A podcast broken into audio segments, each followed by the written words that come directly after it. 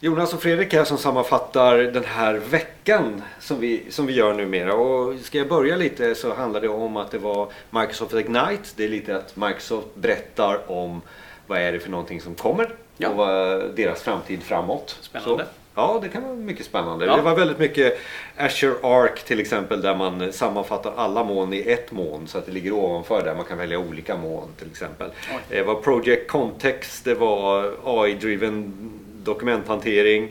Eh, det var några nya, nya släpp utav Edge och Visual Studio, ny version sådär, verktyg. Eh, man lanserar någon form av low-code, no-code variant som skulle kunna göra bottar. Eh, men så hamnar man också väldigt mycket i Cortana, den här assistenten som är deras version utav röstassistent och lite till skulle jag vilja säga. Det är lite AI-drivet där också. Men den skulle då läsa väldigt mycket utav din personliga data. Eh, och läsa upp kanske vilka jobbmail du har, vad du har för aktiv kundaktiviteter idag ifrån din kalender etc. Så. Eh, och sen så kom också en ny version utav eh, eh, ska man säga att är en ny version av Flow som går mot mer automatisering, RPA-aktigt. Eh, Power Automate eh, som det nu skulle kallas. Eh, det är lite så att jag känner att eh, vi har hängt med varandra här i slutet av veckan här också. Ja. Och, och, och, och ta det där som vi hörde i Microsofts eh, eh, sammanfattning av framtiden är lite av det som du pratar väldigt mycket om också det här med att data, det är så mycket data nu. Det blir mycket data nu och det samlas ihop i flera moln. Eh, Man samlar stora mängder data och sen så ostrukturerad data. Och då måste man ha verktyg för att kunna på något vis eh, hitta i all den här eh, mängden med data. Att kunna dra ut insikter på ett effektivt sätt. Jo men var det inte det vi skulle undvika att göra sådana stora jättesköret av data som inte är helt är strukturerade. Nu lägger vi någonting ovanpå här igen. Ja, men det är väl också för att det, vi vet inte vilken data vi, vi behöver alltid. Utan vi måste kunna samla på oss en, eh, tillåta oss att samla på en stor mängd med data. För ibland så, så behöver man det för att kunna dra ut insikter när väl frågan uppstår. Eh, och då behöver vi de här hjälpmedlen och eh, cloud är ju bra till det. Det är ju oerhört stora mängder data som vi kan lagra där utan att, att eh, tulla på, på svarstider. Och då är vi lite på dina presentationer som vi har hållit på och bollat fram och tillbaka. Ja. Men alltså, hur blir vi kloka där? För då måste vi tänka på ett datadrivna sätt. På ett annat sätt. Vi måste ju Mm. vara väldigt tydliga på vilka typer av frågeställningar som är viktiga för oss.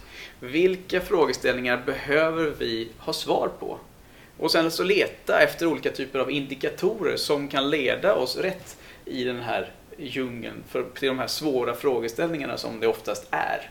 Eh, vad är det våra slutanvändare brinner för? Vad, vilket funkar bättre än något annat? Ett exempel är ju att, att det finns en post jag har gjort på, på LinkedIn som har eh, genererat 80 000 eh, views och 800 likes. Och är det någon typ av eh, best practice eller, eller intressant artikel jag har delat? Nej, det är en bild på en Game Watch Donkey Kong. Liksom.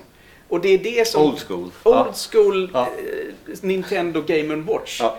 Eh, nostalgi, eh, hållbarhet, utveckling, eh, så.